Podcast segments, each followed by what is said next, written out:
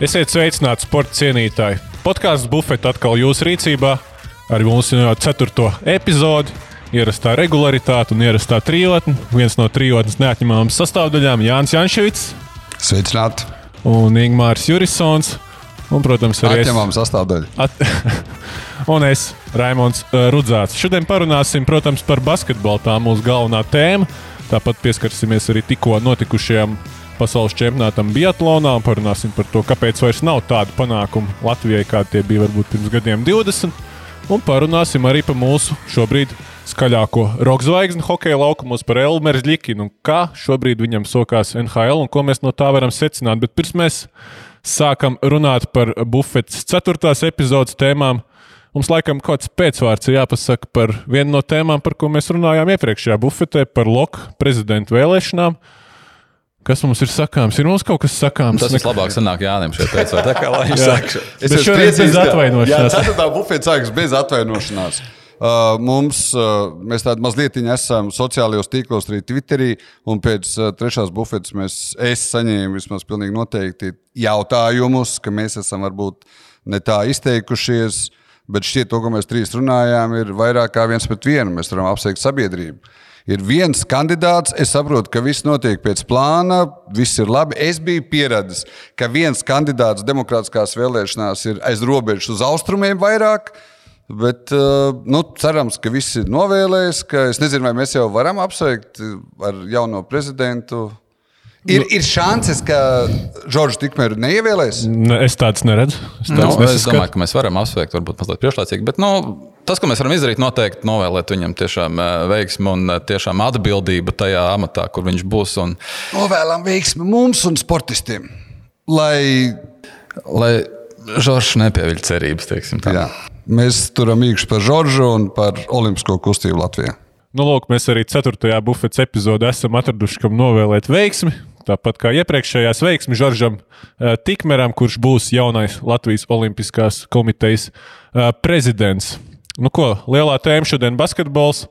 Noteikti redzējāt abas spēles. Latvijas vīriešu basketbola izlase ir sākusi kvalifikācijas ciklu nākamajam Eiropas eh, čempionātam. Sākusi neveiksmīgi ar diviem zaudējumiem, diviem sāpīgiem zaudējumiem, divām pašās spēļu galotnēs zaudētām spēlēm mājās Bosnijai, izbraukumā Trillerī, divos pagarinājumos Bulgārijai. Nu, kungi, kāda pēcgarša? Kas, kas ir noticis? Pat traģēdiju to nevaram saukt. Nu, skaidrs, ka mēs mazliet pirms tam jau parunājām savā starpā. Kāpēc šis turnīrs ir tāds, mums ir jā, vismaz man ir jānodala. Ja es nesaucu tos, vismaz es no galvas nosaucu 13, kas nespēlēja šādu vai citādāku iemeslu dēļ. Uh, Ja es nerunāju, kāpēc šāds turnīrs, Eiropas čempionāta kvalifikācija tiek rīkot šādos datumos, Nu, tad divas intrigām, bagātas spēles, uh, faktiski 90 minūtes. Uh, man prieks bija par, protams, vairākiem mūsu uh, basketbolistiem. Mārtiņš Meijers, Marks Meijers, otrajā spēlē man liels prieks bija Artūrs uh, Žagars un uh, par visiem pārējiem. Uh, Sportiskais rezultāts nebija iepriecinošs. Es piekrītu tiem, kas šajās dienās ir izskanējis, ka skaidrs, ka tās ir ļoti sīvas spēles. Vai tas bija viens metiens vai nebija viens metiens? Man liekas, ka dažas minūtes iepriekš, īpaši pirmajā spēlē ar Bosniju, mēs nonācām pie tā rezultāta, kas bija beigās. Nu, realitāte man nebija tā, ka ļoti. Es būtu pārsteigts par to, ka divās sīvās cīņās, diemžēl, abās piekāpāmies. Jā, varēja būt 2-0, sanāca 0-2. Tāds ir sports. Pirmkārt, otrkārt, rēķinamies, ka pirmo apli mēs diezgan reāli varam pabeigt 0-3. Tā pašā laikā nu, mēs redzam, liekas, ka katrs no šiem logiem, kā to dēvē FIBA, ir pilnīgi faktiski atsevišķs turnīrs. Nu, mēs nezinām, kāds būs sastāvs vispār novembrī, kurām komandām mēs nezinām, kāda būs nākamajā februārī. Tā kā nu, ir tāda pirmā trešdaļa zaudēta, spēle kopumā turpinās. Kādos sastāvos viņi turpināsies, nav ne mazākās jausmas. Nu, par, šo, par šo pirmo logu, kādas secinājumus mēs varam izdarīt, nu, tabula ir viens, tur mēs paskatāmies. Otrs, nu, izteikti zinām līdzjūtību droši vien treneriem ar to, ka tevis pieminētie 13 spēlētāji. Nu, varbūt bija ļoti, teiksim, sastāvs Skaidrs, ka Čaļi spēlēja, bija labi, centās darīt visu pēc labākās sirdsapziņas, bet man sitās acīs tas, ka nu, pietrūka tā viena stabilā cilvēka, kuram iedodot bumbu, pārējiem būtu sirds mierīgi, ka tiks izdarīts darbs. Bija divas galotnes, abas galotnēs šāda sajūta pietrūka. Uh, Aigars Čēlis, kurš ir Roberta, tomēr zināmā mērā protežē šobrīd, nebija īsti gatavs šai lomai. Droši vien, ka Jānis Blūms varbūt nebūtu godīgi viņam to prasīt šobrīd, vairāk to darīt. Arturam Žagaram vēl to nebūtu godīgi prasīt darīt. Nu, es neredzēju to spēlētāju. Vai mums ir, mans jautājums ir, vai vispār ir uh, bijis, nu, nosauksim kopš uh, Raimonda Miglinieka, iespējams, kopš Roberta Stelmachera laikiem. Man, lai uh, parunāt vēlāk. Man ir priekšā mūsu rezultāti gan turnīros, gan uh, kvalifikācijas turnīros. Nu, pēdējos sešos gados, tad es saku, ka īpaši kvalifikācijas turnīros ir bijis Jānis Strēlnieks. Jā, tieši tā. Es teiktu, ka šajā situācijā Jānis Strēlnieks vai Dairis Bartāns un uh, tas cipars būtu pilnīgi savādāks. Tabulā. Tas turnīrs, kas iesākās kvalifikācijas turnīrs, kurā mēs piedalījāmies pirmā fāzē uz 19. gada pasaules kausu, bez Jāņa Strēlnieka un arī ar vienu Jāņa Strēlnieku. Jā, divas dažādas komandas. Nu, nu mums nav. Un man atkal ir tā, ka skatoties, man bija vairāk jautājumu. Es uz vairākiem jautājumiem par tiem sportiskajām niansēm saņēmu atbildes gan par sodu sišanu pamatlaika pēdējās sekundēs, gan par minūtes pārtraukumiem, gan kāpēc izšķirošā brīdī Mārtiņš Meijers saņēma bumbu, kāpēc nonāca bumba, un viņam bija jāmet soda metienu, kuriem viņš iemeta vienu. Es pat neiz, es neizsaku līdzjūtību. Tur ir uh, treneris galvenais un treneru kolektīvs. Uh, Līdzīgi kā Žoržs Tikmers, nu es droši vien, ka mēs visi mēs turam īkšķus gan par novembri, gan par nākamajām spēlēm. Piekrītu tev, nākamā būs grūti ar Grieķiju. Nu, kā minimums mums joprojām ir 50 pret 50 iespējas spēlēt 21. gada čempionāta fināla turnīrā. Bet jūs, prāt, mēs no šī sastāva izspiedām maksimumu. Nu, tas sniegums, kas ir laukumā parādīts un kas ir turnīra tabulā, ir objektīvs. Uh, objektīvs tam, kāds ir mūsu sastāvs un mūsu iespējas bija. Nu, es, protams, ka ne maksimumu. Nu, es jau protams, teicu, varēja būt 2-0, sanāca 0-2, bet. Uh... Jo, nu es nezinu, nu, man liekas, ka vispār šī situācija, mēs vēlāk parunāsim, kā mēs esam nonākuši un kā Eiropas basketbols nonāca šajā situācijā, kad jāspēlē ar šiem pusotriem, otriem sastāviem. Šī situācija savā ziņā ir labs tests nacionālajiem čempionātiem tam, uh, kā kura valsts spēja nu, noklāpēt izlasi ar tuvākajām rezervēm, cik dziļš ir vispār tas basketbola resurss. Un, nu, mūsu gadījumā nu, mēs redzam, ka mm, varbūt eh, stāst par basketbolu lielu valsti, eh, ko mēs kādreiz esam sev kabinājuši klāt pēc veiksmīgām izlašu spēlēm, varbūt tomēr viņi ir bijuši pārāk skaļi Latvijas, Latvijas basketbolam, kā liela valsts. Nu, mēs, man liekas, ka Es pat nevaru teikt, nepiekrītam. Nu, tur ir tad ejam, iesim. Es labprāt pabeigtu. Mēs nonāksim pie Lietuvas mīnus 37 pret Beļģiju. Raimond, mīnus 37 pret Beļģiju. Traģiski. Nu, viņi nav pie diviem Turcijas zaudējumiem. Bet es saku, es negribu aizskriet pats uh, vilcienām pa priekšu. Uh, nu, nav 13 spēlētāji. Nav, uh, lai neaiziet arī no tava jautājuma par uh, maksimumu. Nu, protams, ka varēja. Nu, tur varēja, nezinu, viens neizmest, vienam iekrist. Ja kaut vai tur tas, un es neuzskatu, ka tas pēdējais metiens ir. Es uzskatu, tās divas, trīs minūtes pirms tam, un es gribētu jebkuram basketbolistam nu nav, nu, tur komanda zaudēja, komanda vinēja. Cik es zinu, labojiet mani, labs mikroklimats komandā. Mans pilnīgs atbalsts ir ģenerāla menedžerim Artūram Štālbergam. Tad, kad mēs runājam par vēlēšanām, es no sirds nākamajai komandai novēlu panākumus. Raimondam Vējonim, lai kas būtu ģenerālsekretārs, eh, lai kāda būtu komandas novēlu panākums, es turu īkšķus par Artūru Štālbergu. Protams, ka varbūt kādu vēl varēja dabūt, nav no manis pārmetums. Labs mikroklimats, šī, mēs esam devuši. Arī mana uzticība ir treneriem Stalbergam. Strādājiet ar, ar, ar tiem, kas ir jūsu rīcībā. Un es atvainojos, līdzīga situācija varam būt Bobam Hartlijam Aijā. Mēs tikko izgājām cauri Dainam Kazakevičam. Es saprotu, ir pilnīgi gandrīz vienāda situācija, ja runājam par kvalitāti, nevis tie, kuri netiek. Turam īkšķus, gaidām, diemžēl, novembrī. Un... Nu jā, bet mēs jau runājam par klubu basketbolu, par to, kā tas attīstās, kādā līgā un turnīrā mēs spēlējam. Un, un mēs nevaram arī gaidīt brīnums, kā jau tu pieminēji, par to, ka šīs rezerves būs bezgalīgas. Mums drīzāk ir jārunā tiešām par to, ka mēs pieskārāmies, pieminējām Lietuvu tam, ka Šis nav princips, kā būtu jākomplektē sastāvs. Mums nebūtu jākomplektē sastāvs no, no 35-gadīgiem debitantiem un, un, un, un, un, un jāmeklē, kurš eh, būtu kaut cik atbilstošs kādiem parametriem, kas atbilst izlasēji. Un, eh, un šeit mēs nevaram vainot īsti ne, ne, Štābergu, ne, ne Latvijas-Igaunijas līgu. Nu, te mums ir jāskatās uz turnīru organizatoru virzienā. Tas, tas, ka Jānis pieminēja jau, jau, jau teiksim, Lietuvas 37, nu, mēs varam paņemt šo divu logu dažas spēles un, un pa, pa, padomāt, cik tas ir loģiski. Nu, Francija zaudē Vācijai, Slovenija zaudē Ungārijai, Lietuva zaudē Beļģijai, Serbija zaudē Grūzijai, Spānija zaudē Polijai, Turcija zaudē Zviedrijai, Ukraina zaudē Ungārijai.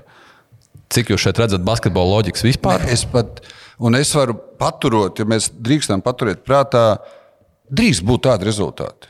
Lai Grūzija vinnē Serbiju, Jā, protams, lai bet- viens ik vienu vinnē, bet man tā dēvētais profesionālais sports ir par skatītājiem. Mēs nonāksim pie katra turnīra runājot par to, vai tas būtu Latvijas futbola čempionāts, vai tas ir uh, LBL uh, turnīrs, Latvijas Igaunijas līgas turnīrs. Ir par skatītājiem. Man šīs ir noziegums pret basketbolu komplektēšana ar šādiem sastāviem, spēlēšana nacionālās izlases, kur iespējams, tas ir cits jautājums, ka, kad mēs varam redzēt spēcīgāko vispār Latvijas izlasi. Nu, ir pārkāpts nu, kaut kādi pamatprincipi. Šis manā uzturē ir noziegums pret sporta veidu no vadošās organizācijas, no FIBA, kas liedz redzēt, un nav, nav runa par, tikai par Latviju. Un es apzināti, es, protams, ka es zināju, ka mēs par basketbolu runāsim. Neatkarīgi no otrās spēles rezultāta, neatkarīgi no pirmās spēles rezultāta, neatkarīgi, ka Beļģija būtu iespējams zaudējusi Lietuvai, ka Turcija būtu kādu spēli vinējusi. Pats princips šādi Eiropas spēcīgākās komandas, nu tā nav, nu atzīstamies. Es atkal es parakstīšos, es nezinu, atbalsta vēstules, kā es varu paust cieņu šiem treneriem un šiem spēlētājiem. Bet tā nav izrāde, ko mēs teorētiski gaidītu šobrīd no šīs mūsu Latvijas basketbolistu paudzes, pat atskaitot NBA spēlētājus. Nu, to, kā mēs pie šā, pie šā nonācām. Es, Ingūns ir intervējis. Es neatceros tik daudz uh, Lietuvu, bet Latvija bija virzītāja šam. Latvija bija viena no galvenajām virzītājiem ar mūsu. Jā, pārstāvjiem 2012. gads, uh, vasara, zināms, uh, apstākļu sakritība FIBA, kas tobrīd gāza tobrīd esošo uh, ģenerālsekretāru Zanalinu un izveidojās. Tā teikt, viņa atbalsta grupa bija opozicionāra grupa, un pēkšņi izrādījās pietiekami daudz balsu, lai mainītu līdz tam esošo kārtību Eiropas basketbolā. Un, jā, nu, pārskatot tā laika materiālus, intervijas, uh, jā, Edgars Šnepa intervija konkrēti bija stāsts par to, kā, kā mēs jau četrus gadus aizkulisēs uh, lobējot tieši šo sistēmu par, par uh, logiem, uh, teiksim, sezonas laikā, nevis, nevis tikšanos uh, vienu kopējo vasaras laikā, kā mums beidzot mēs to izdarījām, kā mēs to izspēlējām, kā, to, kā mums pieslēdzās lietuvieši un kā tas tagad notiks. Es nesaku, ka tas ir nepareizi. Nu, Principā idejas, ka tas viss ir pareizi, vienkārši tas var strādāt tikai pie vieniem konkrētiem apstākļiem. Nu, tad, kad ir um, sistēma Eiropas basketbolā, kur nav divas konfliktējušas organizācijas, kas viena otru apkaro. Nu, šobrīd mēs esam nonākuši pie tā, ka nu, ir iešauta sev kājā stingri. Jā, Latvija bija tā, kas šo sistēmu panāca, un šobrīd mēs esam vieni no tiem, kas no tās cieši visvairāk. Nu.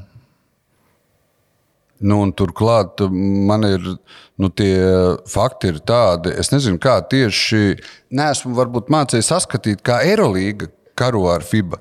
No tāda supro kausa, nezinu, pirms 20 gadiem, nu, FIBA mēģina iznīcināt Eirolīgu, cik 20 gadus jau. Nu, tā ties- ir. Jā, Eirolandā šajā formātā ir no 2000. gada sākuma. Kā- ar, ar, ar, ar tiesām, ar diskvalifikācijām, ar aizliedzot uh, valstu labākajiem klubiem piedalīties Eirolandes turnīrā. Un tas šajā gadījumā mazliet precīzāk ir ļoti vienkārši. Ir latviešiem teiciens ar labiem nodomiem ceļš uz elli bruģēts. Bruģēts ceļš uz Elu. Pirms tā punktiņa, kad tiek tajos logos, protams, ka es simtprocentīgi es nezinu, kā var nepiekrist Ingūram.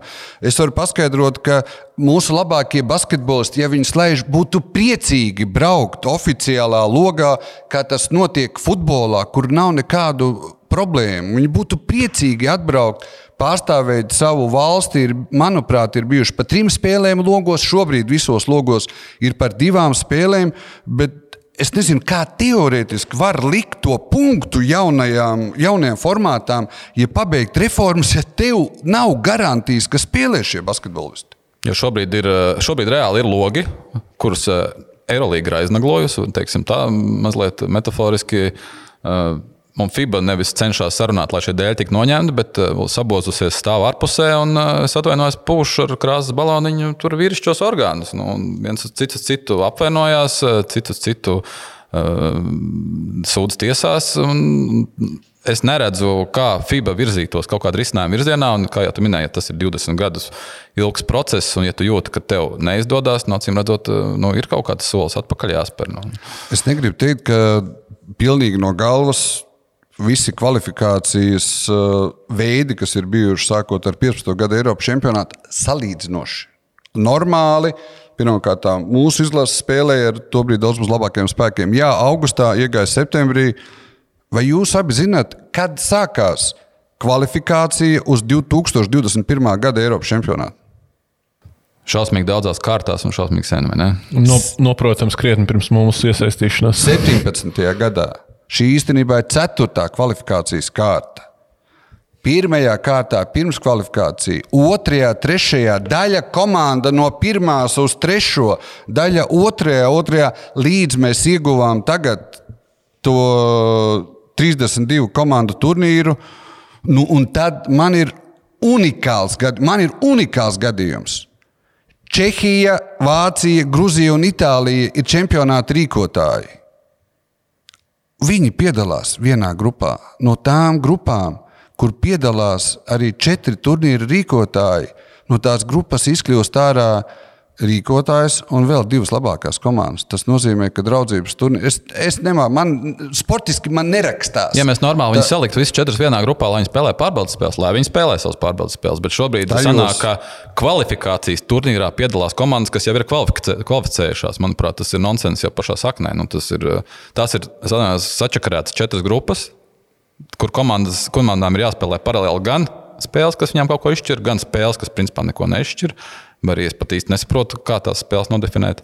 Uh, jau tā pilnīgi līdz, līdz, līdz maksimumam samazglotā turnīrā vēl izdomāt šādu papildus, uh, nezinu, Man nerakstās, ir, ir, es esmu piedzīvojis pirms nu, 20 gadiem, mums vajadzēja rūpēties par 18 izlasu, 18 izlasu. Varbūt vēl kaut kādos gadījumos, bet piedalījās Latvijas čempionātā ārpus konkursa. Nos, es nesaku, ka es biju sajūsmā, bet saprotu, kāpēc netraucēja sportiskajam. Tev katrs nu, pretinieks liek Latvijas basketbola līgā nu, tādu sastāvu, kādu grib pret to 18 un tā tālāk. Nu, šeit labi Itālijā ar rezervistiem vinēja Krieviju, bet tu teorētiski nedrīkst ietekmēt. Tev ir iespēja tam, kam tā ir draudzības spēle, var ietekmēt, kurš brauks uz Eiropas čempionātu, kurš nebrauks. Un joprojām tas var ietekmēt pietiekami spēcīgu komandu.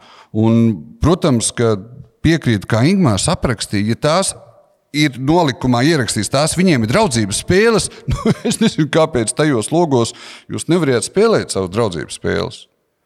Un vēl kas man noteikti sāp, skaidrs, es arī lasu, protams, ka droši vien ar Turciju un Latviju priekšgalā ir neapmierināti. Bet es esmu tikai izlasījis, un es neesmu neko vairāk oficiāli. Lūk, tā kā Ingūns izstāstīja, vai nu, Latvijas pārstāvji, ka cīnās par kaut ko, ka ir nepieciešams reformas un tā tālāk. Līdzīgi kā mēs par daudziem, jau daudziem esam parunājuši sporta veidiem vai sporta notikumiem, Es neesmu dzirdējis tādu oficiālu neapmierinājumu. Es neesmu dzirdējis, Nu, ka nav grieķi, pareizi. grieķi šodien iesniedz notu teikt, savam tautietim. Nu, jā, jā, bet tieši par Latviju es pat teiktu vairāk. Jā, pirms uh, nesenajām Latvijas Basketbola Savienības prezidenta vēlēšanām bija, bija cilvēki, bija kandidāti un atbalstītāji, kas, kas tieši esošā ģenerālsekretāra Edgars Šnepa atbalstam teica, viņš ir ļoti labs un vērtīgs FIBAS gaiteņos. Un, nu, tad tas, tā ir, man liekas, lielā mērā Jāna atbild uz tevu sašutumu par to, kāpēc mēs proaktīvi nevēršamies pret šādu sistēmu.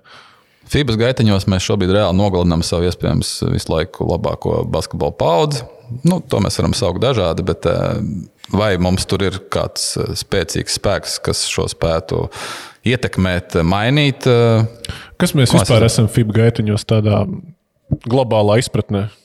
Ko mēs tur varam vienu mazie? pir, pir, pirms tam, ja, ja drīkst, lūdzu, jo pieminējis rēt, tam, ko Ingūns teica, un mēs atgriežamies pie FIBAS gaiteniem.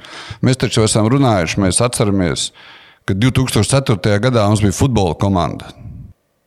Eiropas čempionātā. Jā. Kad mēs domājam, ka kaut kas tāds nākamreiz tiks sasniegts? Šobrīd jau vairs nedomājam. Nekas par to neliecina. Skaidrs, ka basketbolā mēs spēlēsim Eiropas čempionātā, bet, ko Ingūns teica, vēl nedzimusī komanda iespējams tā arī neuzspēlēs savā starpā. Ar Protams, mūsu FIBAS gaiteņu karaļiem. jā. Nav, neesmu es priecīgs. Tur varbūt kādam savainojums un tā tālāk. Es atgriežos pie tā, ka es ticu, varbūt, ka nevajadzēs tik daudz. Varbūt, ka vajadzēs Bulgāriju savā laukumā uzvarēt. Var, iespējams, ar, ar, ar, ar to pietiek. Un varbūt kāds nebrauks kādam savainojumam un tā tālāk. Bet uh, ticu, ka vēl varam tikt, bet tur, kur mēs dēļ šīs sistēmas esam nolikti, nevajadzētu atrasties. Ne, nevajadzētu basketbolam atrasties, nevajadzētu basketbola līdzjutējiem, kuri nevar skatīties. Es nedomāju, ka Lietuvā mājas spēle notika. Starp citu, tur nebija ļoti tālu. Lietuva ar Čehiju spēlēja praktiski mazliet vēlāk par Latvijas spēli. Nu, mans darbs ir pasakot arī tam līdzi, tur mača otrajā pusē. Lietuva nokārtoja ne tik ļoti pārliecinošu uzvaru. 18 punktu izrāviens viņus um, glāba no tā visa. Arī Lietuva varēja būt tādā pašā. Nu, Tagad Latvija- to es gribēju pateikt. mēs. Tieši tā, nu, mēs neesam vienīgie. Mums sāp Latvija, jo mēs te trīs sēžam uh, Rīgā, tāpēc mums sāp Latvija. Bet, nu, ir, uh, Latvija un Turcija ir 4. savā grupā, Spānija, Slovenija, Krievija 3. savā grupā. Startē sarakstā, ko es nosaucu, kas zaudēja, un es piekrītu, nav runa par to, ka zaudēja, runa uh, kādos apstākļos zaudēja un kā, kā, no kurienes tam saknes aug. Nu, dēļ šīs visas pilnīgi atžgārnās situācijas. Nu, pagājušā, Eiropa, pagājušā Eiropas čempionāta. Pirmā, otrā, trešā un piektā komanda ir zaudējuši šajos logos jau dīvainas spēles. Nu, pēc visiem loģiskiem parametriem eh, vājākām komandām. Eh, Jeb pagājušā gada pasaules kausa pirmā, trešā un piektā komanda jau ir zaudējušas. Tas, kur mēs virzamies? Mēs virzamies uz to, lai Eiropas čempionāta finālā turnīrā, turnīrā spēlētu eh, tās valstis, eh, kuru spēlētāji nav aizņemti NBA un eh, Eirolandā. Nu, tas šobrīd ir tas virziens. Nu, Ungārija, Bulgārija. Nu, tas Ingmār, ir tas fināla turnīrs. Tas ir tas Citādāk nesaskatu. Es nedomāju, ka tur kādam rūp. Mēs virzamies tikai un vienīgi uz Eirolandes iznīcināšanu. Nu, es, Nu, es nemāku saskatīt. akls naids. Tā mēs to. Atkal, nu, es nemāku. Mēs uz visiem aicināsim pagaidām. Tad, nu, es atvainojos Facebook komentāros, YouTube mūsu kanāla komentāros. Rakstiet, labprāt, rakstiet, kas vēl virza FIBU. Bez ko es māku saskatīt Eirolandes izlīdzināšanas, uh, iznīcināšanas.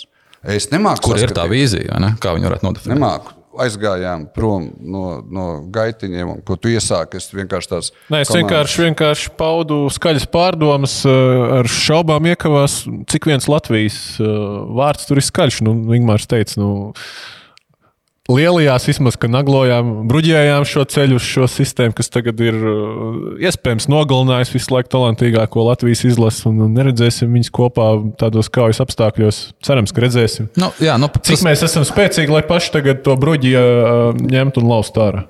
Nekas par to neliecina. Vismaz manā acīs. Es, neesmu, es tur neesmu tajos gaitiņos staigājis un prasījis, cik kā mūs tur vērtē, bet es neredzu nevienu pazīmi, kas uh, liecinātu, ka mēs kaut ko varam ietekmēt sev labvēlīgi. Bet es jau atkal ceru, es, es tiešām neskatos, es saprotu to jautājumu tavu. Nu, es ceru, ka tur būs. Nu, mēs atgriezīsimies pie vēl kaut kā. Mēs esam par Latvijas basketbolu runājuši. Kurā brīdī veidojās Latvijas-Igaunijas līga, kurā, vei, kurā brīdī veidojās uh, Baltijas līnijas sievietēm, tad, kad jūka brūk, tad, kad vietā nekā nav. Tad, nu, tad kad kāds no lielajiem netiks, nu, būsim reāli. Es tiešām neskatos, ka kādam būtu jāiet, ka tas viens karotājs, Latvijas, Igaunis, pilnīgi noteikti vienmēr ir bijuši lietuvieši, protams, ar, ar lielāku vārdu. Nu, es saredzu, nu, lai netiek. Un man, man vēl no tā ir nepārāk laba sajūta. Man tagad ir jātur īkšķi, lai Turcija zaudē. Man nav nekas pret Turciju. Man jātur īkšķi, lai Spānija vēl, nu labi, Spānija. Ne. Man jātur īkšķi, nevar lietuvieši, es domāju, dāņiem zaudēt. Bet sanāk, lai, ja es saredzu, lai kaut kas mainītos, nu, tad kādam lielajam ir jānetiek. Es nezinu, FIBA neskatīsies. Pēc tam nu, Slovenija Eiropas čempionu cīņā par pasaules kausu palika otrās fāzes grupā pēdējā vietā. Nu, nav, viņiem nav virzība, bet tā virzība ir viena. Turklāt uh, FIBA jau nav jātaisa lielā reforma, jo tā lieta, ticiet man, es papētīju. Es ne, tā, es ne jums rādīšu tās, arī tās kvalifikācijas uz priekšu, kas notiek ar olimpiskajām kvalifikācijām un tā tālāk un tā projām. Ja, ja tajā ja ir pareizais vārds, biznesa, ja vienkārši vienošanās ar Eirolīgu, divi logi. Nav raķešu zinātne. Ir jāvienojas, Eirolīga pabīda var būt par divām nedēļām. Varbūt divas uztaisa. Tā kā mēs varam šos divus logus. Šajā Eirolīgas sezonā tas ir viens lokus, nākamajā sezonā tie ir divi logi novembrī viss nav raķete, pat ne velosipēds, nav ratu riteņi. Ir jāvienojas ar Eirolīgu, un tur nav, tur pat pelīte nekur nečap. Nav tā, ka mēs dzirdējām. Re, kur Ingūram ir bijušas sarunas, tu esi dzirdējis, kas tur mainās, un, un tā tālāk kaut kā. Nav, pelītes nečap. Visiem viss ir labi. Izņemot Grieķiju ar protestu, un Turciju un Latviju. Latvijā. Nu, ko mēs no tā varam secināt? Mēs varam laikam novēlēt, mēs varam Lūdzam, novēlēt vēlreiz veiksmi Robertam un turēt komandai. Novēlēsim veiksmi Raimondam Vējonim, vēlreiz mūsu basketbola savienības prezidentam, bijušajam valsts prezidentam. Varbūt viņš var aiziet FIBS gaitiņos un savu ietekmi, kura tika minēta. Jā, dūri galdā. galdā. Novēlēsim to Latvijas basketbola savienībai, lai pašu pašu rokām bruģētais ceļš tiktu arī atbruģēts atpakaļ, un mēs vēl pieredzētu Latvijas iespējams visu laiku talantīgāko paraudzi spēlējam kopā kādās nozīmīgās basketbola sacensībās. Par to mēs vēl runāsim, par kā mums soks basketbolā. Tagad laiks parunāt par to, kas noticis Biatlonā tikko divu nedēļu garumā. Uh, Cilvēki sekoja līdzi pasaules čempionātam Biatlonā, sekoja līdzi arī mūsu sportistu startiem, it sevišķi diviem mūsu līderiem, Andriem Rastorgujevam un Baibai Bendikai. Nu, Baibai Bendikai labāks starts nekā gaidīts. Andriem Rastorgujevam šoreiz neizdevās varbūt tas, ko viņš pats bija cerējis. Nu, pārējie mūsu dalībnieki, es domāju, liela daļa sporta līdzekļu nevarētu nosaukt pat vārdus, uzvārdus un vietas pat negribētu iedomāties un, un atcerēties. Līdz ar to tie, kas atcerās vēl, kā Biatlonam ir sekmējies Latvijā, ka, ka mums ir pasaules čempionāta medaļas, ka mums ir olimpiskajās spēlēs bijušas augstas vietas, tas viss gan tādā pagātnes formā. Kas ir noticis Latvijas Biatlonā? Mēs, mēs, mēs, mēs mirstam, mēs nīkstam ārā, mēs, mēs krājam spēkus, lai jaunam izrāvienam. Es saku, notiks raki. Es saku, ka tāds nu, parametrs, pēc kā vērtēt labs vai slikts eh, pasaules čempionāts konkrētam sportistam ir, eh, tu tiec masu startā vai netiec masu startā. Tas ir teiksim, mūsu līmenim. Tas ir 30 labākie. 30 labākie, jā. Pēdējā dienā. Mums, eh, Baibai, domāju, izcils čempionāts. Es domāju, izcils čempionāts. Vietas ir 12. sprintā, 9. iedzīšana, 25. klasikā, 18. masu startā. Tas ir visas 30. Andrejam skaidrs, ka ir pilnīgi ne tas, ko viņš bija gaidījis, bet um, Vidējais aritmētiskais, tu teici, tās vietas, kuras gribētos aizmirst, arī nav tik traki. Aleksandrs Patriks, 61. vieta klasikā. Kas mūsdienu Bietlānā nav tik slikti. Roberts Lotiņš arī nav uzreiz otrajā simtā, bet 84. Bet eh, labi, nu, varbūt neanalizēsim to. Varbūt runāsim par to, kur, eh, kādas mums ir eh, vispār ambīcijas un iemesli kaut ko gaidīt. Jā, Jāni. Jāni. Es man Toms Brīsīs solīja uh, atzvanīt uh, virtuāli man paskaidrojiet, kurš no biatlona mazāk. Mums ir jārunā par biatlona nākotni sportā, ņemot vērā pēdējo piecu gadu ziemas un uh, domājams neatšķirīgās vismaz nākamo piecu gadu ziemas. Un pasaules čempionāti roller biatlonā, es saprotu, vēl nenotiek. Nu, Mums notiek, ir, notiek, notiek, jā, notiek. Bet šiem pašiem sportistiem? Pārsvarā var piedalīties šie paši, bet nu, tas pārsvarā nepiedalās. Tie citi tomēr, jā, jā. Nu, nosacīti, tas ir cits sporta veids pagaidām. Mēs nemēģinām, piekrītu, ka nav mironis. Es nesaku, ka mironi piecelt. Kā var, ja es nekļūdos, Ingūna, īsti OTP nekas šodien nenotika? Jā, tas ir pirmais gads, kad OTP. Pat OTP nav sniega, kur tik rūpīgi cauri vasarai saglabā zem, zem skaidām un, un skujām tik labi savu trasi. Šī vasara, atvainojos, šī zima ir diezgan īpaša. Piekritīs, tāpat pirms diviem gadiem mums bija brīnišķīga zima, un varbūt pēc diviem gadiem būs vēl brīnišķīga, tikpat brīnišķīga zima. To mēs nevaram, to mēs nevaram zināt šobrīd. Vai nākotnes ziemas sporta veidiem vispār to mēs varbūt kādreiz parunāsim skaļā, atsevišķi droši vien un, un, un, un sīkāk. Es domāju, ka ir tāpatās, tāpat šī brīža pasaules čempionāta norises vieta Anholca Ir viduskalnē, tur sniega, lai arī nebija tik daudz kā viduskalnē. jā, tā ir viduskalna. Tā nav mums ir kaķis, gaiziņš un, un, un vēl kaut kas tāds. Mums jā. ir pauguri, mums nav kalna neviena. Jā. Jā. Bet es domāju, ka ziemas sporta veidiem ir nākotne, jo ir izdomātas tehnoloģijas, teikt, kā ražot sniegu un um, normālos apstākļos. Sliktās ziemās ir trases, kur ir problēmas, labās ziemās nav problēmu.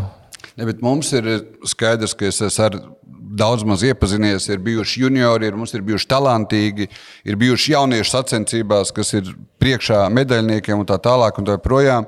Bet es domāju, tas tētis, mamma, lai viņam pamats, un to droši vien, nu, būsim godīgi, mūsu olimpiāžu dalībnieks un žurnālists, loģiski, ka zina vairāk, bet es domāju par to, nu, lai sūtītu savu dēlu vai meitu, nu, tur gaidīt atkal zvans Tomam Brīsim. Nu, man gribētos, lai nu, ir tā zima. Nu, nav, nu, tas ir nav. tas pats, ko mēs runājam par hokeju, par basketbolu. Sūtīt eh, ar kādu mērķi, sūtīt paslēpot, lai viņiem ir iespēja vienkārši. Peldēšana, slēpošana, tie ir divi visveselīgākie cikliskie, teiksim, sportiskās Jā, aktivitātes, kas vispusīgāk attīstās. Tajās tās jaunās tehnoloģijas būs Anholcā un pasaules kausu, un tad tos pārceļ. Nu, nav, nav tik traki, Jā. Pat, pat manā dzimtajā Siguldas novadā slēpošanas trase par spīti visam zaļajam ir darbojusies šo ziemu. Un, nu, jau... Tā ir nogāzīta ar attiecību. Nē, no... arī distanču slēpošanai, un arī biatlons mums ir jau pieejams. Un Raivs Zīmels gal galā es bijušais biatlonists uh, pie mums trenē. Jebkuru optimismu, man liekas, uh, Man liekas, ka no, man arī ir nedaudz vecāki tam, bet man bērni, no man, es nezinu, kur Ingūna man ir komandas aizmirsuši. Man ir nezinu, kas tas slēpjas. Bet, es... Man liekas, arī, ka Latvijas Biatlona sakarā, ko arī paši treneri teikuši, viņi nemaz uz baigo masveidību netēmē. Pat, pat reizēm ir tā, ka vairāk vajadzētu pievērsties tiem, kas ir talantīgie, un, un tiem no, nepietiek.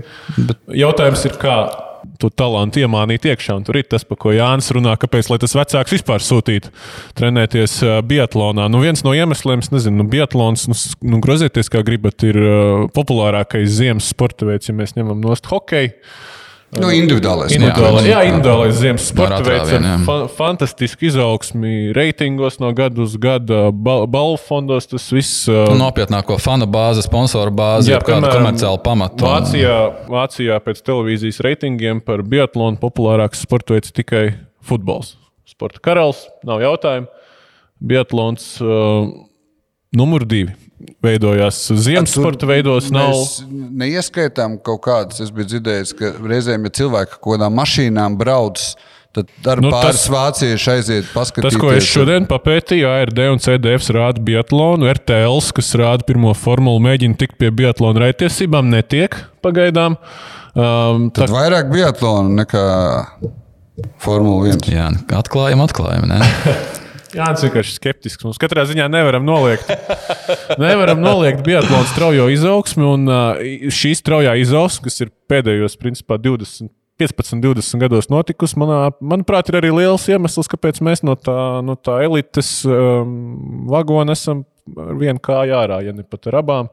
Varbūt ar vienu roku ieķērušies, esam kaut kur kādā kādā rokturītī un vēl turamies.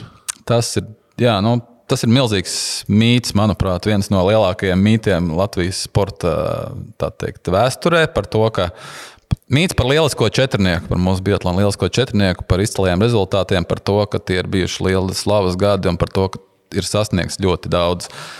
Uh, nu, ir jāpasaka tas, ka tajā laikā, kad šie četri vīri sasniedza savus uh, labākos rezultātus, Biatlons bija mazs, margināls, neatzīts sporta veids, kurā sacentās, uh, lai arī pietiekami daudz, bet ļoti nenopietni pieejot šim stāstam sportisti. Un, uh, es nezinu, ka, protams, nav, nav korekti salīdzināt tā, tā ļoti precīzi salikt. Nu, šo, šie, šī, šī laika rezultātus ar tā laika rezultātiem, jo mēs visi saprotam, ka ir, ir gājis uz priekšu medicīna, vispār izpratne par uzturu, par ķermeni, par, nemaz nerunājot par ekipējumu un, un, un, un, un citām niansēm. Bet, nu, elementāri saliekot 90. gadu vidu, ar kuru mēs sākam saistīt to savu, to savu slavas gadus. Nu, arī notika pasaules čempionāts Antholcā. Tad apstākļi tie paši, vieta tā pati, trasa tā pati, distanču garums tas pats. Andrejs Rastargojevs ar savu šī gada čempionāta rezultātiem 20 km būtu uzvarējis ar 10 minūšu atrāvienu. Un uh, sprintā, kur mēs atcerēsimies, viņš bija 70. netika iedzīšanā, viņš būtu uzvarējis zeltu ar 3,5 minūšu atrāvienu. Um, labi, nepatīkams 95. gads, tas ir sen. Ņemsim vienu medaļu, ko tiešām mēs joprojām pieminam. Nu, kad tad mūsējie tik ātri skries kā Ilmārs 2001. gadā, kad viņš paņēma bronzu pokļukā? Apskatījos 55, 35 rezultātu. Šogad Pokļukā 20 km distancē dotu 90. vietu. Ar visu to, ka Pokļukā šogad trasa tika padarīta krietni sarežģītāka teiksim, nu, sportistiem. Tā gada uzvarētājs Rafaels Porē, tiešām leģenda Bietlāna šogad masu startā būtu tieši 30. vietā ar savu tā laika uzvarētāju rezultātu. Otra lieta - rezultātu blīvums, kas liecina par to, kā ir attīstījusies konkurence Bietlānā. Ehm, lai gan sportistu skaits tolaik arī nebija maz, 60, 70. Bija arī vairāk, kas arī bija arī vairāk. tur. Bija arī vairāk ehm, Es paņēmu tādu vienu klasiskāku piemēru, pastījos Ropoldingas trasi. Tā ir tā vieta, kur ehm, pēc, tieši pēc īpatnībām ir tā, ka diezgan liels blīvums rezultātiem vienmēr ir bijis. Tieši šogad atkal kārtībā bija satraukums, kā viņi visi iedzīšanā vispār satilps šautavē, jo, jo bija divās minūtēs 56 sportisti. Paskatījos 98. gada pasaules čempionātu, nu, tīri, lai salīdzinātu ar pasaules čempionātu. Vladimirs Dračovs no Krievijas, tolaik vēl, vēl ne Baltkrievijas, ieguva sudrabu no uzvarētāja Sergeja Tarāsa, atpaliekot 2 minūtes un 6 sekundes. Tātad otrā vieta atpalika 2 minūtes un 6 sekundes. Šogad divās minūtēs bija 56 sportisti. Nu, tā tad Nesalīdzināmas uh, lietas. Tas ir vienkārši nesalīdzināmas lietas. Kā jau es teicu, es uzskaitīju tos faktus, kas ir sākumā. Bet par tos mēs varam ņemt vērā par minūti, divām, trijām vai piecām. Bet, nu, ja mēs šeit runājam par desmit un patsmit minūtēm, nu, Ir... Bet, uh, klausies, Ingūna, nu, tev, tev nav pārliecība, ka Ilmārs Brits būtu Ilmārs Brits, ja būtu pie šodienas visas medicīnas trenēšanās, jo galu galā viņš vēl tikko 47 gadu vecumā startēja. Un uh, viņš nebija 90. Jā, es domāju, ka Ilmārs Brits un arī Oļegs Maļokins pēc savām īpašībām varētu konkurēt mūsdienu apstākļos, cīnīties par salīdzinoši augstām vietām. Domāju, Andrejs ir labāks par viņiem abiem. Es tā domāju. Tas mans personiskās domas varat strīdēties. Stop, tagad, un te mēs nonākam pie Biatlona. Skriešanā, šaušanā, psiholoģiskajā noturībā, kur Andrejs ir labāks? Skriešanā, šaušanā. Abos divos. Un kur ir tie, tiešām, kur Andrejam tika uzskatīts mīnus? Viņa... Sešas kļūdas sprintā. Viņš ir labāks šaušanā. Uh, es domāju, ja būtu jāšauj pašreizējos apstākļos, Pastīsimies kaut vai YouTube ierakstus, kā šāva pirms nē, nu, 15 gadiem. Teici, nē, nē, nē, nē. Es kad atbilstoši gan Ilmāram, gan Oļegam man atmiņā, tāpēc es vairāk ar jautājumiem, ne ar apgalvojumiem. Viņu šaušana nekrita ārā. No kopējā līmeņa nu, tas nebija viņiem lielākais mīnus, kas jāslīpē, jāslīpē. Esmu dzirdējis, tāpēc atbild man, ka Andrejam ar skriešanu viss ir kārtībā, slēpošanu, ka viņam jātiek galā ar šaušanu. Viņam jātiek galā, galā ar psiholoģisko sagatavotību. Ar šaušanu viņam viss ir kārtībā. Ja tā godīgi, nē, bet, nē, labi, nē, tas ir atkal. Mēs iesim baigajās niansēs, bet uh, ja mēs runājam tiešām par to lielisko četrnieku, es teiktu, ka Jēkabs nākums un Gunārs Upanieks forši čaļi tiešām viss kārtībā, bet šo, šobrīd es teiktu, ka līmenis, kurā ir tevis pieminētie, nonie, nu, savā ziņā nonievātie Patriks un Slotiņš, es domāju, ka viņi ir augstāk. Un, nu, tur jau vēsturiski vispār vajadzētu iet, kā, kā, tas ir, kā tas ir attīstījies un kādi ir bijuši nevis pat nes panākumi, sasniegumi, liels kā četrnieks, skaidrs katram, katram laikam savu apstākļu, un tas, ko tu izdari tajā laikā, nu, paliek vēstures grāmatās, un, un tas nemainīsies. Bet, bet atkal jau kā tika izmantots šis potenciāls. Um, nu, tas, ko izdarīja šis lielskais četrnieks un, un viņu treneris Vitālijs Orbanovičs, bija tas, eh, es teiktu, ka kāds tas būtu tas vārds, uzurpēja. Nezinu, nu, pa, izveidoja slēgto iz, klubu. Izveidoja slēgto klubu, tas tika padarīts par privāto biznesu. Un, uh, tās bija labas iespējas no Startautiskās federācijas saņemt kaut kādu palīdzību. Tepat Latvijā akumulēt visus līdzekļus, kas bija Bietlānam. Nekas nekur netika laists ne pa labi, ne pa kreisi ārā. Ja kāds mēģināja kaut vai tuvoties tam līmenim, kādā bija viņi, nebija nekāda mēģinājuma vispār palīdzēt, attīstīt kaut kā sistemātiski, domāt par, par to, kā tas viss virzīsies uz priekšu. Bija kāpšana uz galvas, uz kājām, uz rokām, stobra saliekšana, patronu izsēšana un viss pārējais. Tas, protams, pārnestā nozīmē. Bet tika darīts viss maksimāli iespējamais, lai neveidotos nekāda konkurence. Tas tika darīts ļoti ilgi, ļoti eh, tā, rafinēti. Un, eh, es domāju, ka tādu džeku, kāds ir Andrejs pēc sava potenciāla, mums varēja būt vēl nezinu, 3, 4, 5, 6. Ja vien būtu eh, bijusi normāla profesionāla pieeja, nevis sautīgas intereses atsevišķiem kadriem. Grozamies kā gribam, fakti nepielūdzam kopš uh, lieliskā četrnieka. Lieliskais četrnieks, ja mēs runājam par Gunaru Upinieku, Jēkabu Nākumu, Oļegu Maļuhinu un Ilmāru Brīsī, beidz pastāvēt 2002. gadā, kad Upinieks beidz karjeru. Divus gadus vēlāk Jēkabs Nākums, vēl divus gadus vēlāk arī Oļegs Maļuhins, kurš gan tur atgriezās uz brīdi pirms Vankūveras mēģinājumiem. Bet principā, principā kopš tā laika punktos tas ir top 40 vispār kādā pasaules kausa posmā. Ir ieskrējuši bez Rastorguja vēl četri Latvijas biatlonistu vīriešu konkurencē. Jānis Bērziņš, četras reizes Piksons. Pat pasaules čempionātā bija astotais, bet gadu vai divus vēlāk dopings un paldies. Kristaps Lībijams vienreiz, Oskars Mužnieks vienreiz. Nu, sakam, ko gribam, nu, kritiens no kraujas vienkārši. Jā. Vēlreiz atkārtošu, ja konkrētajiem džekiem un vēl vairākiem tādiem kā viņi būtu kaut mazākās iespējas. Ja būtu izlasē galvenais treneris, kuram rūp kaut kas vairāk nekā viņš pats un viņa daži favorīti. Rūp, ar kurš strādā, kurš vienkārši nestāv pie saka, trubas un nepasaka, kur aizlidojas šāviens pa kreisi vai pa labi. Ja būtu kaut mazākā motivācija darboties, redzot, nevis redzot, kā esošais federācijas prezidents uh, sportiskā ziņā līdzvērtīgā līnijā paņem savu dēlu, vienkārši noliek pie lielās izlases un visas pārējās. Uh, Kāds prezidents, kādu dēlu? Jānis Bērziņš, savu dēlu. Seniors. yeah. uh, vienkārši aizsūta uz visām nometnēm viņu, un visi pārējie redz, ka pat ja es esmu šobrīd labāks, man tur nav variantu. Kungi. Treneris man negrib, naudas man nav. Kungi. Yeah. Ļaujiet man ievirzīt, ja es esmu uztvēris uh, jūsu stīgu. Uh, Beidzās otrajā un beidzās 2004. gadā, tad, kad beidz nākums un uh, tad, kad beidz upinieks. Jā. Kopš tā laika man ar matemātiku, ja neklibu, 18 gadi. Es labošu. Uzreiz maz beidzās tajā brīdī, kad Ilmāram Brīsam vairs nebija intereses Latvijas biatlonā. 12. ja nemaldos. 8 gadi. No izjūgšanas 18, 8 gadi vēl joprojām tā ēna. Bet, ja tu redzi, ka 15 gadus nekas nav darīts, no kurienes tajā brīdī kaut kam uzrasties? Jā, tad, kā, nē es, es jau, man nejauki, es citādāk. Es vienkārši domāju, nu, ja to puķīti nelaist, tad nu, varbūt tā puķa nokaltusi. Nu, tad, kad jūs mums jau jebkurā gadījumā, vai tas ir basketbols, vai tas ir uz ko tu velc? Tas ir visvieglākais. Nē, iedodat, man ir, nu kā, man ir, kad nākamais. Latvijas biatlonā. Nē, man ir tikai jautājums, jo es tagad tas, ko es sadzirdu, ir runa par otro un ceturto gadu. Vai ir vispār, nē, nu, ka ne jau, es, ne jau es esmu finišētājs, nē, man tāda doma nav. Tā pirmais jautājums, vai tiešām tā ēna ir tik stipra vēl joprojām, ka tas lielais, lieliskais četrnieks ar savu treneru Urbanoviču un pat kopš Brīča intereses uh, zušanas ir pagājuši vēl astoņi gadi.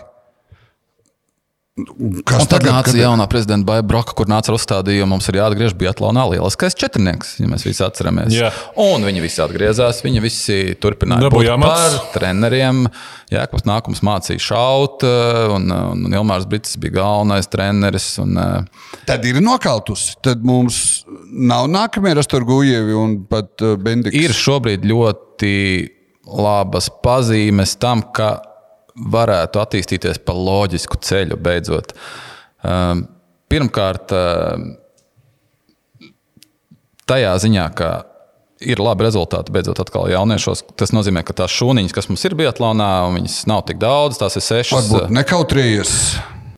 Tā, Alūksne, Madona, Gulbene, Cēsis, Daugavpils un Tagad es vienas izlaidu. Nu, vai mums ir jaunieši, ko izcelt? Tevis pieminētie. Vai? Jā, šobrīd tikko redzējām pasaules junioru čempionātu. Mēs varam nu, droši vien nosaukt jau astotā vietu. Edgars Mīsīs, Renārs Birkentāls, Kirillis Matjuhins. Visi ir pēc parametriem tuvu elitei. Un, jautājums, kādos apstākļos viņi atkal tiks ielikti. Nu, šobrīd, manuprāt, viens liels solis ir tas, ka Latvijas izlasē pēc ļoti, ļoti ilgiem gadiem atkal ir galvenais treneris, kuram ir Kas mums ir galvenais treneris? Čakars, kuram ir pirmkārt pieredze šajā līmenī, otrkārt profesionāla metodika, kas ir pārbaudīta, un treškārt sistēmisks redzējums vispār. Teiksim, ne tikai tā, ka mums vajag tos ceļus pasaules kausā vai aizskriet uz IBU kausu, lai paņemtu kontribūcijas, respektīvi naudu samaksātu kādam kaut kur, bet nu, redzējums, kā tam jāsākās no kaut kādiem vietām un kā tam ir jābeidzās piramīdai virsotnē pasaules kausā, nevis tā kā mums tas notiek. Uh, Nav kas skrien, nu, jāpaķer kāds. Mums ir vieta pasaules kausā, paķeram čeli, kas pat uh, IBU kausā junioros nav skrējis 60. un prasam no viņa, kāpēc viņš neskrien mums tur. Raimond, mums būs biatlons! Būs! Nu, mums katrā ziņā vajadzētu biatlonu, tomēr no visiem ziemas sporta veidiem, kur mēs cīnāmies par kaut kādām puslīdz augstām vietām. Biatlons ir atrā vien populārākais. Ingmārs ir atgriezis cerību. Interesanti būs arī redzēt, kā kopējā Latvijas sporta politikas stāstā iezīmēsies biatlons. Es domāju, ka pavasarī starp citu biatlonā varētu nomainīties prezidents. Jo, jo, jo esošā prezidentē jau kāds zvanīja, vai tu dzirdēji? Nē, vai... nu, mēs zinām, ka esošā prezidentē ir nu, zināms. Nonāca izolatorā, izmeklēšanas, izlaicīgās aizturēšanas izolatorā, nonāca pie darbībām lietām, kas, veikt, kas fiksēts Biatlona federācijas kontā. Nu, tā pilnīgi nejauši. Nu, cik es zinu, no pagājušās vasaras, kad tas notika, ir zināmā mērā kontuzēts tas darbs bijis federācijā un viņas iespējas. Da, kaut kas tik labs izdarīts. Mm, pietiekami daudz netika izdarīts tiešām tāpēc, ka bija sapūsta migla acīs par to, kas, kas tad ir tie mūsu varoņi un spējīgākie vīri Biatlonā. Uh, varbūt pamazām tā migla sāk klīst, parādās kaut kādi spēki, kas uh, ir ieinteresēti, lai Biatlons attīstītos loģiski. Un šeit es teiktu, pieminēšu, nemin, neminēsim sponsors privātos, tiešām, kas daudz dara tam pašam Andrejam un, un, un, un Baibai, bet uh, viens liels nozīmīgs faktors ir Latvijas armija. Aizsardzības ministrija, kas ir pieslēgusies Biatlonam ar tiešām ļoti mērķiecīgi, finansiāli pamatot. Tam mums nebūs tā, ka patrons trūkst? Nesmējies, jo... tā ir milzīga problēma. Es zinu. zinu. Mums ir vietas, kur vienkārši tur patrons un šāva trīs šāvienas īstos jā, un divas tukšas. Kā sauc to tukšaušanu. Uh, tas būtu smieklīgi, tas nebūtu traģiski. Bet uh, ir, ir uh, faktori, kas šobrīd uh, ved tajā virzienā, lai Latvijas Bietlāns atkal kāptu augšup. Cerēsim, ka tiem, kas ir pieraduši sēdēt pie tās īkra maizītes un, un, un, un, un, un, un glāzītes un, un tiešām tajā piedzvaigžņu viesnīcas numuriņā, ka viņi ar zobiem un nagiem viņiem neizdosies noturēties pie tā, kas ir bijis 20, 25 gadus Latvijas Bietlānā, un tur atgriezīsies kaut kāda loģika. Ticot, cerot un mīlot. Ticot, mīlot un gaidot, tā bija tā dziesma, kur tu centies citēt Jānī ticam un ceram mēs arī uz Elmēra Zlikinu. Mūsu šobrīd, teiksim, tā spožākais un visvairāk apspriestais hokejs Nacionālajā hokeja līgā. Vienmēr Hokeja... esam ticējuši jautājums, kas ar viņu tagad notiks. Tas Jā. mūs šobrīd uztrauc. Ne? Nē, bet pirms tam. Kas notiek, labi, saskriešanās un, un, un, savainojums. Pēc astoņām astoņās spēlēm, piecām nospēlētajām sausajām spēlēm.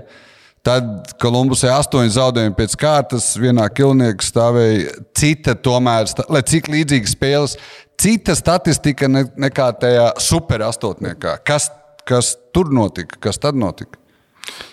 Nu, mēs nezinām, kas notika. Mēs zinām, ka Nē, gads nu- ir uh, kāds tur balts no abiem galiem, ap vidu zaļš. Jā, nu, Elvim kā sākās uh, ar milzīgu bedri, tad turpinājās ar kalnu un tad beidzās ar bedri. Bet es teiktu, ka tā nebija bedra. Teiksim, pastoties ciparus, tie septiņi zaudējumi. Um, statistika, ok, 90% atvērīti metieni, kas ir klasiskā robeža starp ok un vairs nav ok. Nu, tā hokeja mēs zinām. Vēl ir ok. Jā, no septiņām spēlēm tikai trīs zaudētas pamatlaikā, tātad uh, divas papildu laikā, divas, divas uz bulīšiem.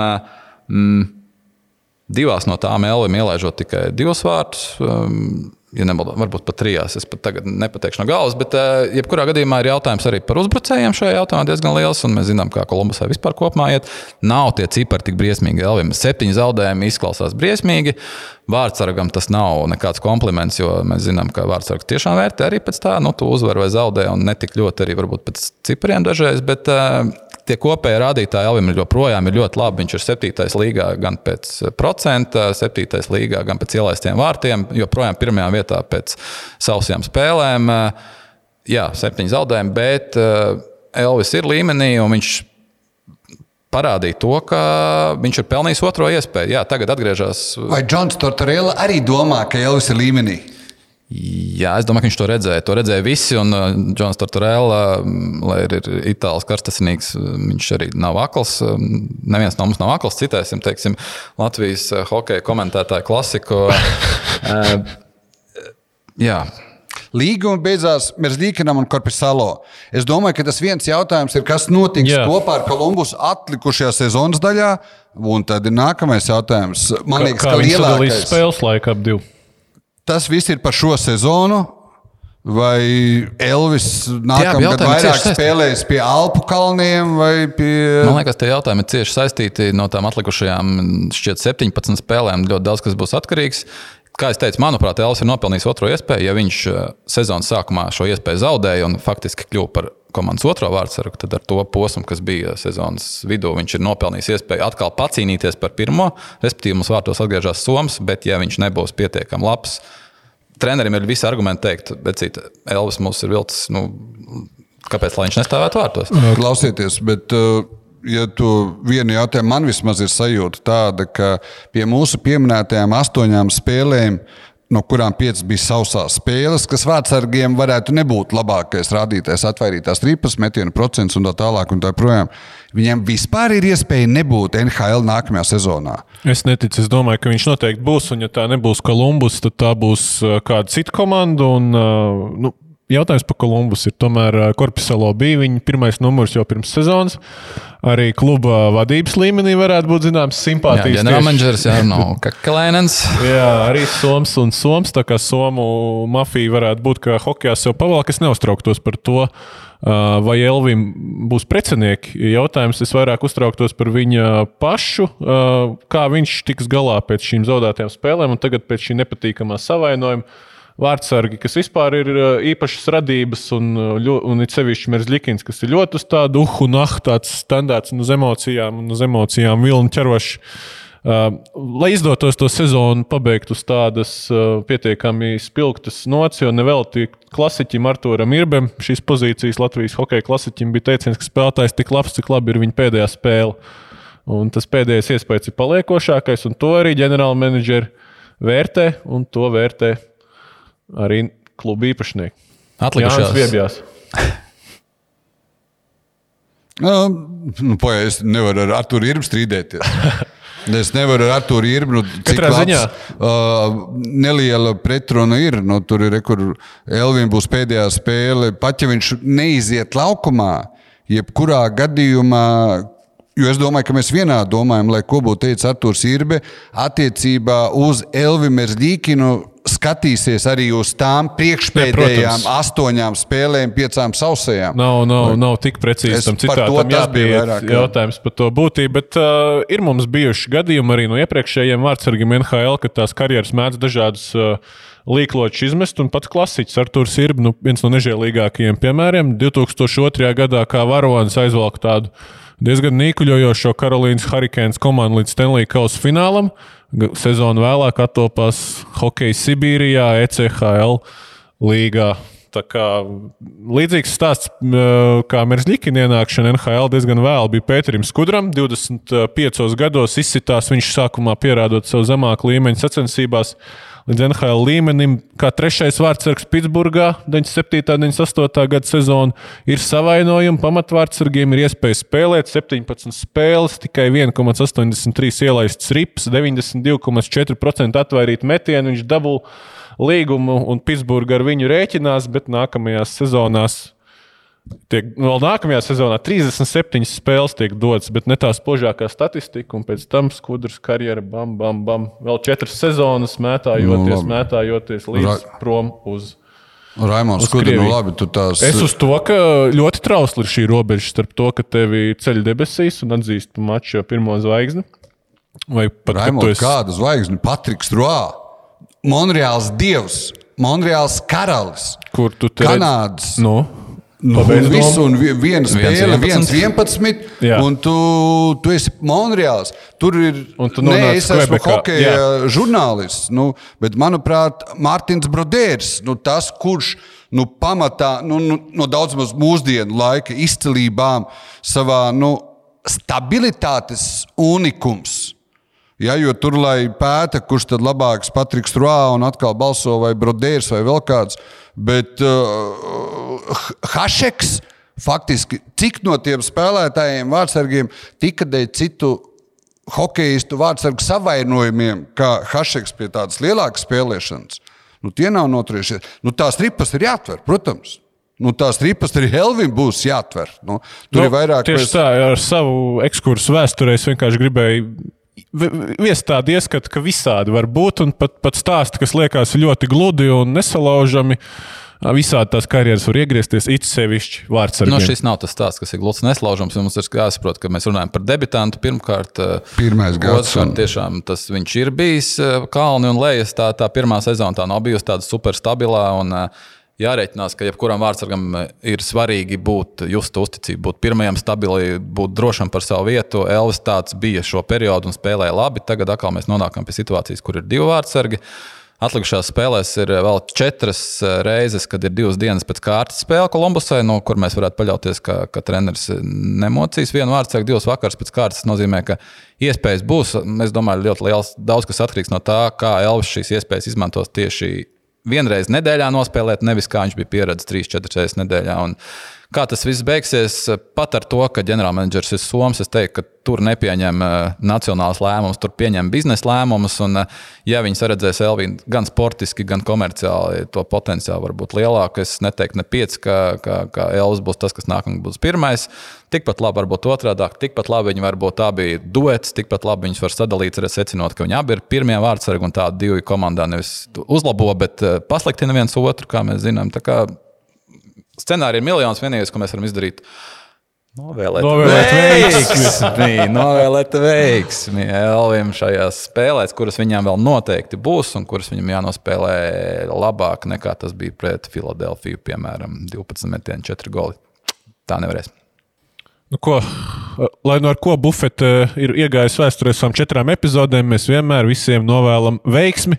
Un vēl viena lieta, ko mēs katrā bufetē darām, mēs izšaujam piecas patronas. Nu, ko, pirmā patrona, kurš šaus? Es palikšu turpatās, es palikšu uz tiem pašiem ledus laukumiem. eh, foršā, priecīgā patrona. Mums ir Zemgus Gigantsons, kurš eh, aizītā nedēļā guva vārds pret Pitsburgu, izdarīja divas piespēles pret Winnipegu un šādā veidā kļuva par visu laiku trešo rezultātīvāko latvieti NHL.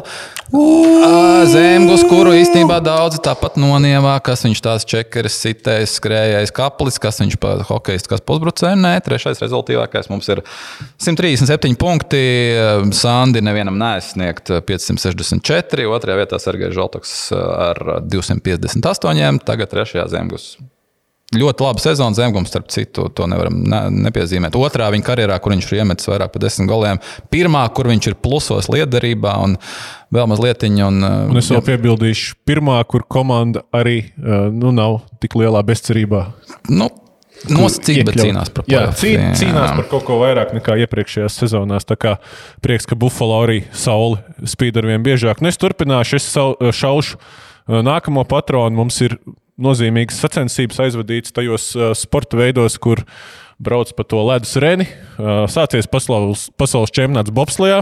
Oskars Čibermans ar Matīs Mikni izcīnījuši trešo vietu kārtīgā vācu ielenkumā priekšā divi vācieši, aiz viņiem vēl divi vācieši, bet uh, pasaules čempionātā Vācu trasē Altenburgā Čibermanim ar Mikni trešā vieta divniekos, pirms tam Sigulda absolūts triumfs savā mājas trasē Eiropas čempionātā. Tā kā Čibermanim veiksmīga sezona un arī kamaniņš aizvadījuši varbūt ne to skaļāko pasaules čempionātu, bet kārtīgi patrokšņoja aizvadītajā nedēļas nogalē Winterbergā. Nu, tur gan vairākas vadošās valsts boikotēja visu šo pasākumu sakarā ar dažādu iemeslu sliktu laikapstākļu, starts zemāk trasē un, un nelikās nopietni šis pasākums daudziem. Bet, uh, vēsturē mums paliek rezultāts. Aizmirstās sacensības rezultāts paliek arī kamniņās spoži panākumi. Elīzai Caucei, starp citu, pirmā uzvara savā karjerā. Jā, un tu šaut maki? Bet, protams, tas būtu tāds. Tā bija tā apstrīdē, gribēja iznīcināt. Nu. Es šauju ar Tysons Furijas. Savā miltos. Tas ir pa žokli. Sakāva Deontiju Vailderu. 2018. gadā neizšķirts tiek uzskatīts, ka netik godīgs. Tagad divi knockdowni, tehniskais knockouts. Pateicoties treneru izmestējām dvielim, tur uh, Vaiders ar treneru esot jau parunājis, un uh, mana patrona ir ar 20 kg Vaidera apģērbu, ar to viņa formu, ko viņš ieradās. To atzīst arī daži basketbola treneri, ka kur bija prāts Vaideram. Un, uh, Viņa komandai ļaut ar 20 kg plecos iet uz ringu, viņam nesot bijuši kājas, lai kas viņam nebija. Taisons Furijas, viņam trūka no lieliem tituliem. Viens dabūja WBC titulu, un visos tajos papīriņos jau ir ierakstīts, būs Furijas Wilders 3. Varbūt ne vasarā, rudenī gaidām. Tāda mana patrona. Nu, es šaušu nākamo patronu, šaušu patronu Pieminēšu cilvēkus, kur kādreiz šaudījās daudz viens otru virzienā, bet tagad izlīguši mieru. Oskars Bārtuls paziņoja par saviem nodomiem tomēr spēlēt Latvijas izlasē, un tomēr viņam nav Krievijas pilsonība, un patiesībā viņam tāda arī nekad nav bijusi. Un Viestures Kozils, lielākais Bārtuļa kritiķis, šobrīd Latvijas Hokeja federācijas ģenerālsekretārs, saka, viss kārtībā, nav nekādu juridisku, morālu, ētisku aspektu, lai, lai neļautu Oskaram šo atgriešanās soli spērt, neraugoties uz to, ka vēl gadu iepriekš Kozils bija ļoti kategorisks, ka viņa laikā neviens ar šādu attieksmi nespēlēs Latvijas izlasē, kamēr no viņa būs atkarīgi lēmumi. Gads, acīm redzot, un, un situācijas izdevīgums, teiksim, kā ir abām pusēm, laikam dziedē visas brūces. Bet, nu, ja kungi pa kaut ko var vienoties, mums atliek tikai pieņemt. Uh, jā, pavīpināt un pieņemt. Uh, nu, labi, tad es tad to pēdējo ar skatu uz priekšu un ne atpakaļ. Uh, trīs, pēc trīs gadu pārtraukuma Latvijā atgriežas Deivis Kausas tenis. Jā, 6. un 7. marts Lielupe. Pasaules otrās grupas spēlē, Latvija, Eģipte. Redzēsim atkal Ernestu Gulbi Latvijā, redzēsim Mārtiņu Počus. Iespējams, ka numur divi būs Kārlis Ozoliņš, ko mēs paslavējām, par kuru apspriedām pagājušajā bufetē. Tā tad iespēja redzēt gan tagad, gan nākotnē vienā reizē. Domāju, domāju, cilvēki, kuriem patīk tenis, noteikti būs Lielupē. Eģipte izklausās varbūt kādam nenopietni. Tā nav. Eģiptes pirmais numurs TP rangā ir 132. Gulbis tikai 220. šobrīd. Bet eh, izredzes ir labas, un, eh, ja mēs uzvaram, tad septembrī cīnāmies jau par pasaules pirmo grupu. Vai mēs vēlamies veiksmi? Mēs noteikti vēlamies veiksmi Ozoliņam, Gulbim un visai Latvijas vīriešu tenisa izlasēji. Eh, gaidāmās cīņas Deivis Kausā Aizvedot tādu, nu bija bufets, nu jau ceturtā epizode. Tiksimies ar jums atkal kā ierasts pēc pāris nedēļām. Un runāsim atkal par sporta aktualitātēm, garšīgi par sportu. Tā pie mums bufetē pieņemts. Paldies visiem, kas skatījās, klausījās. Tiekamies jau nākamreiz. Visu labu! Atā. Jā, labvakar!